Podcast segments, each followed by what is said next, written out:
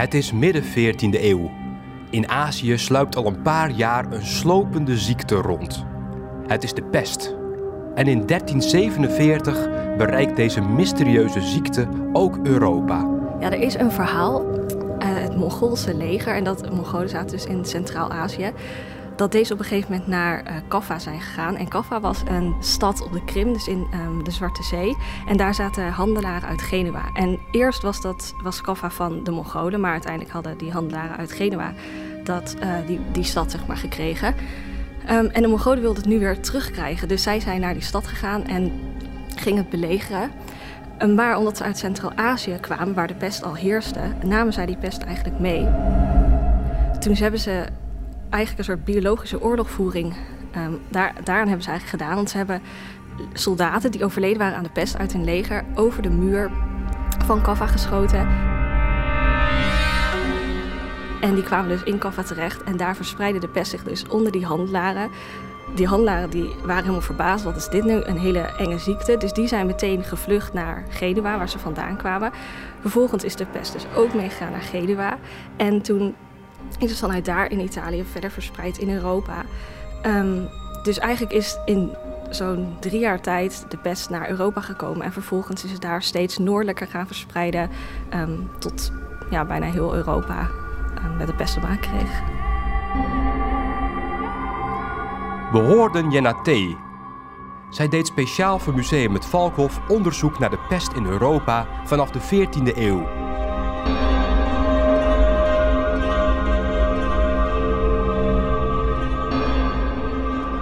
Jos van der Meer is emeritus hoogleraar interne geneeskunde met als specialisatie infectieziekten. Hij legt uit wat de pest eigenlijk precies voor een ziekte is. Ja, de pest is uh, het mooiste voorbeeld van een infectieziekte, voor zover je van mooi kan spreken. En uh, wat er bij de pest uh, gebeurt, is dat er een bacterie de ziekte veroorzaakt die bacterie die moet op een of andere manier overgedragen worden op de gastheer, dus de toekomstige patiënt. En uh, dat gebeurt volgens het klassieke verhaal via een vlooienbeet. En een vloo die overspringt van de rat naar uh, de mens. Die vlooien in, in die, die vloo die draagt die bacterie bij zich, die pestbacil. En die, met de beet komt die in de huid terecht. Die bacterie kan zich daar wat vermenigvuldigen en wordt dan versleept via de lymfebanen naar de dichtstbijzijnde lymfeklier. En die, die lymfeklier die ontsteekt dan, die wordt uh, dik, die zwelt van de infectie die, daar, die daarin zit. En dan ontstaat er dus in feite een bobbel in het. En dat wordt van oudsher wordt dat een bubo genoemd, of een buil. En, dat, en dan heb je dus eigenlijk het eerste begin van builenpest. Um, die uh, flow die kan zich natuurlijk. Uh, die flow komt zelden alleen, om het zo maar eens te zeggen. Dus er zullen meerdere vlooien op meerdere mensen uh, de infectie overdragen. Die dan ook allemaal op hun eigen plek, zeg maar, een, een bobbel, een buil krijgen. En zo heb je dan meerdere gevallen. Vervolgens is de, uh, gaat de infectie eventueel verder de bloedbaan in. En dan heb je dus een, een, bloedvergiftiging. En vanuit die bloedvergiftiging kunnen allerlei organen betrokken worden, en met name ook de longen. En vanuit de longen, als er echt een, een longontsteking bij is, dan uh, kan er een doorbraak komen naar de buitenwereld en dan kan, uh, kunnen er pestbacillen worden opgehoest. En op die manier kun je ook weer overdracht hebben van, van mens tot mens. Pas op het moment dat iemand echt algemeen ziek is, dan uh, zie je dus de verschijnselen van de, wat we noemen sepsis, dus bloed, bloedvergiftiging. En dan, ja, dan, dan kun je zien dat iemand echt hondsziek is. Ja. In de 14e eeuw is een derde van de Europese bevolking gestorven door de pest. Komt daar ook de naam Zwarte Dood vandaan? Het zwart worden is, uh, heeft te maken met uh, bloedstolling die in de war wordt ge gebracht, waardoor er uh, bloedstolling in bloedvaten optreedt en dus weefsels die door dat bloed van, van zuurstof moeten worden voorzien, uh, gaan afsterven. En dan krijg je dus inderdaad die, die, waarom het de zwarte dood heet. En het is ook niet helemaal zeker waarom, die, waarom het de zwarte dood heet. Want inderdaad, de mensen werden zwartig, dus daarom kan het zijn. Maar um, er wordt ook gezegd dat het een verkeerde vertaling is. Want in de 14e eh, eeuw werd er bijvoorbeeld geschreven over de ziekte als Atra mors. En dat uh, betekent verschrikkelijke dood eigenlijk. Maar Atra kan ook als zwart worden vertaald. Dus um, daardoor, het is ook waarschijnlijk, toen dachten men, ja, het is waarschijnlijk dus dat mensen het ook wel als, zwart vertaalden. En dachten, oh, maar de ziekte heeft ook zwarte uh, verschijnselen. En dat een beetje zijn gaan linken. En uiteindelijk is het nu helemaal in ons collectief geheugen als de zwarte dood. Want mensen werden zwart. Maar dat was in die tijd eigenlijk, werd het niet zo genoemd.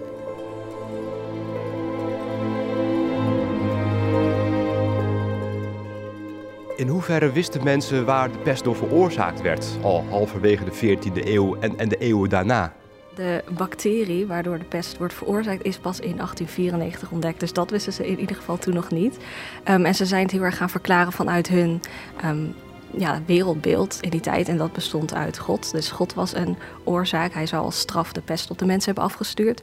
En verder um, ook de hemellichamen. Dus vooral um, Jupiter en Saturnus en Mars en ook de zon en de maan. Die um, zouden in een bepaalde volgorde hebben gestaan. En dat zou bijvoorbeeld voor iets hebben kunnen zorgen, voor de pest kunnen zorgen. en verder werd ook geloofd in de miasma-theorie. En dat was eigenlijk ja, bepaalde giftige geuren, dampen eigenlijk, die dus de pest tot de mens zouden kunnen brengen. En vaak werden deze theorieën ook gecombineerd. Dus we zien dan dat er uh, werd gedacht dat God via die hemellichamen die dampen uh, tot de aarde bracht. En dat zou dan, zouden mensen dat inademen. En vervolgens ontwikkelde de mens een soort tweede gif dat ze dan weer op elkaar zouden kunnen overbrengen. En dat is eigenlijk um, ja, de eerste reactie, de eerste gedachte van mensen. En we zien dat in Italië al wel snel in de 14e eeuw. Um, dan beginnen ze al te denken van hm, misschien is het niet. Um, per se God die voor een damp zorgt, maar denken ze al aan een bepaald concrete stof eigenlijk, die van mens op mens of van dier op mens wordt overgedragen. En dat heet ook wel de contagieuze these. Mensen worden door elkaar besmet of door een dier. Ja, men had natuurlijk toch wel het idee van uh, quarantaine. Uh, als je mensen uh, een tijdje buiten de deur houdt en uit laat zieken, dan is het gevaar geweken.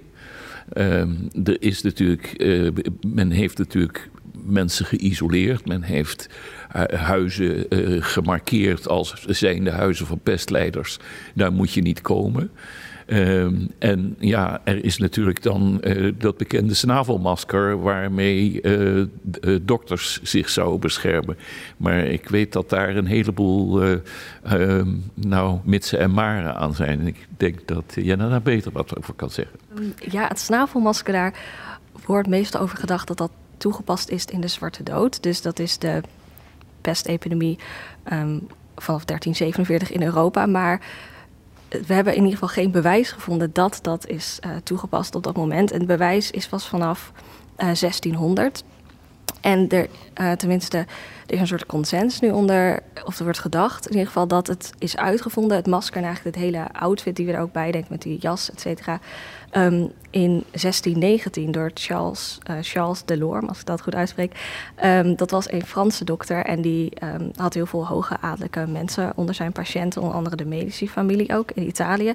En hij heeft het dus uitgevonden soort van gebaseerd op het militaire panzer waar je helemaal bedekt is, wordt. En het is dus ook in Frankrijk en Italië heeft dat wel uh, toepassing gevonden. Maar we weten niet echt per se op hoe groot de schaal dat was. Want tenminste, als ik dan aan de pest denk, dan denk ik meteen aan dat masker. En dan meteen van wow, daar liepen echt heel veel van die dokters door, door de straten in zo'n. Uh, heel pak, maar dat is waarschijnlijk niet waar. Het is in ieder geval dus in Italië en Frankrijk werd het gebruikt. Um, maar bijvoorbeeld in de Republiek weten we niet of het echt is gebruikt. En het is natuurlijk vooral een heel groot, heel erg icoon geworden van de pest. Um, het is natuurlijk ook wel iets bijzonders, zo'n zo masker en heel zo'n pak. Um, dus waarschijnlijk is het nu, zit het nu nog heel erg in ons collectief geheugen en is het gelinkt aan de pest, omdat um, het ook heel erg is toegepast op een gegeven moment als bijvoorbeeld meer als satire en persiflage. Bijvoorbeeld de Duitse steden gingen het in pamfletten gebruiken, dat masker, um, om eigenlijk te laten zien van kijk, Italiaanse steden, die had het op een gegeven moment nog niet onder controle. En dan laten ze dus zien van kijk, wij uit de steden hebben het wel onder controle. En Italiaanse steden, kijk nou, daar lopen ze nog in zo'n raar pak. En ook natuurlijk ehm, het theater in Venetië gebruikt op een gegeven moment ook het satirisch theater, ehm, dat masker. Dus het wordt meer als een soort satire op een gegeven moment toegepast. En daardoor is het waarschijnlijk nu nog steeds dat wij het eigenlijk ook gebruiken van... kijk nou, in de middeleeuwen, wat helemaal niet waar is... liepen ze in zulke gekke kleden, klededracht. Het snavelmasker is een iconisch object in de verhalen die over de pest zijn ontstaan. Het is ook zeker te zien in de tentoonstelling. Een ander topstuk is een schilderij van de Nijmeegse arts IJsbrand van Diemenbroek. Hij deed onderzoek naar de pest tijdens de grote epidemie in Nijmegen van 1635-1636. 6000 stadsbewoners overleden in die jaren aan de pest, op een bevolking van 16.000 inwoners. Ja, Van Diemenbroek is uh, eigenlijk wel een icoon in de uh, bestrijding van de pest. Hij, heeft als, uh, hij was in Nijmegen de pestdokter tijdens de epidemie. En hij is, heeft daar een heel fraaie beschrijving van gegeven. Hij, hij beschrijft dus de pest in algemene zin en wat er gebeurt. Maar hij beschrijft ook, en daarmee is hij zijn tijd eigenlijk ver vooruit, uh, patiënten. Dus hij geeft patiëntenbeschrijvingen, zogenaamde casusbeschrijvingen, uh, waarin hij het natuurlijk beloop van de pest heel zorgvuldig beschrijft. Um, met ook zijn, zijn waarnemingen bij het lichamelijk onderzoek. En dat is, denk ik, tot op dat moment niet zo gedaan. En zijn pesttraktaat heeft dus, uh, is in vele talen vertaald en is ook heel lang leidend geweest in het denken over de pest. Um, zijn, het, ik denk dat je het nut voornamelijk moet zien in uh, de zeer nauwkeurige beschrijving van uh, de ziekte zoals hij die waarnam.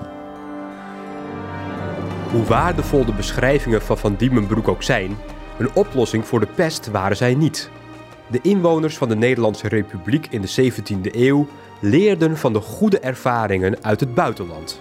Doordat um mensen uit de republiek naar het buitenland gingen en daar eigenlijk erachter kwamen dat de pest er op een heel andere manier bestreden werd. Um, en toen dachten we, ja, uh, dat helpt daar blijkbaar. Waarom zouden wij dat niet doen? Dus het is wel echt vanuit medisch oogpunt van we willen de pest uh, ook zelf weg hebben. Maar er zat ook wel een beetje een um, ja, meer economisch handelsbelang eigenlijk achter. Um, aangezien andere landen bijvoorbeeld dus hun grenzen dichtgooiden of gebieden eigenlijk uh, hun grenzen dichtgooiden, dachten mensen uit de Republiek, ja, dan gaan wij dat ook mooi doen. Een soort eigen koekje van eigen deeg. Um, dus ze keken eigenlijk een beetje af bij de buren en daardoor kwamen ze erachter dat dat ook wel een goede methode was om uh, zelf te gaan toepassen. Behalve dat natuurlijk bepaalde maatregelen effectief kunnen zijn in de bestrijding van een epidemie, moet je ook uh, vaststellen dat eigenlijk elke epidemie uh, uitdooft. In Europa is de pest inderdaad in epidemische vorm wel na. Ik weet, in Marseille was nog in 1720 wel een grote uitbraak. En dan daarna verplaatst het meer naar het oosten van Europa. En Rusland nog rond 1770. Maar daarna trekt het inderdaad wel. De grote uitbraken verdwijnen dan wel in Europa.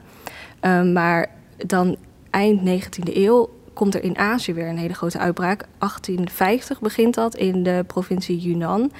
En daar blijft het ook weer heel lang eigenlijk, tot er daar een bepaalde opstand um, uitbreekt. En dan trekken mensen uit Yunnan naar uh, grote havens zoals Hongkong. En dan nemen zij dus die pest mee.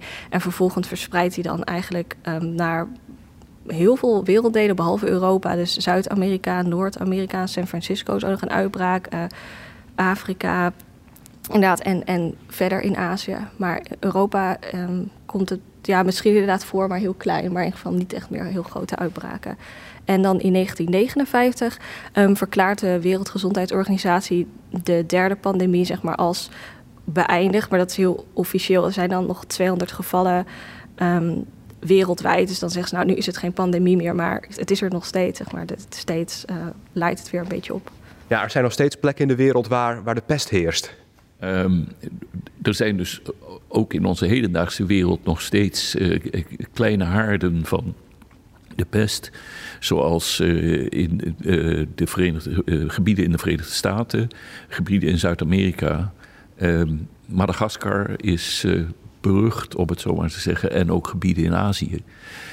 Ehm, dankzij de uh, antibiotica, uh, antibiotische behandeling die uh, beschikbaar is, is de sterfte aanzienlijk minder geworden. Um, toch zien we nog steeds dat er in de orde van 10% van de pestpatiënten patiënten die aan pest lijden overlijdt. Dus het blijft nog steeds een levensbedreigende ziekte. Veelal is dat een, een gevolg van armoede en, en niet aan uh, antibiotica kunnen komen.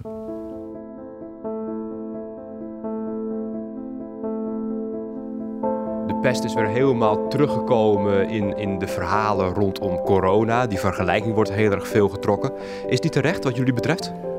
Als, als je praat over uh, infectieziekten die de mens kunnen, over, uh, kunnen overkomen, ja, en als je praat over pandemische verspreiding, ook dan moet je zeggen, uh, ja, er zijn heel veel parallellen. Er zijn natuurlijk ook heel veel grote verschillen. Uh, de, de, pest is een bacteriële infectie, hè? Uh, terwijl corona een, een, virale infectie is, veroorzaakt dus door een virus.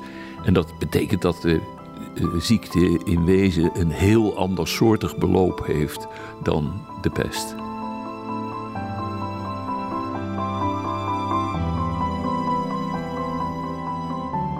Een, belangrijk verschil is natuurlijk ook de, de, de aanpak. Uh, het is natuurlijk niet eerder voorgekomen dat er zo snel nadat er een uh, epidemie, pandemie ontstaat, het volledig duidelijk is wat de verwekker is.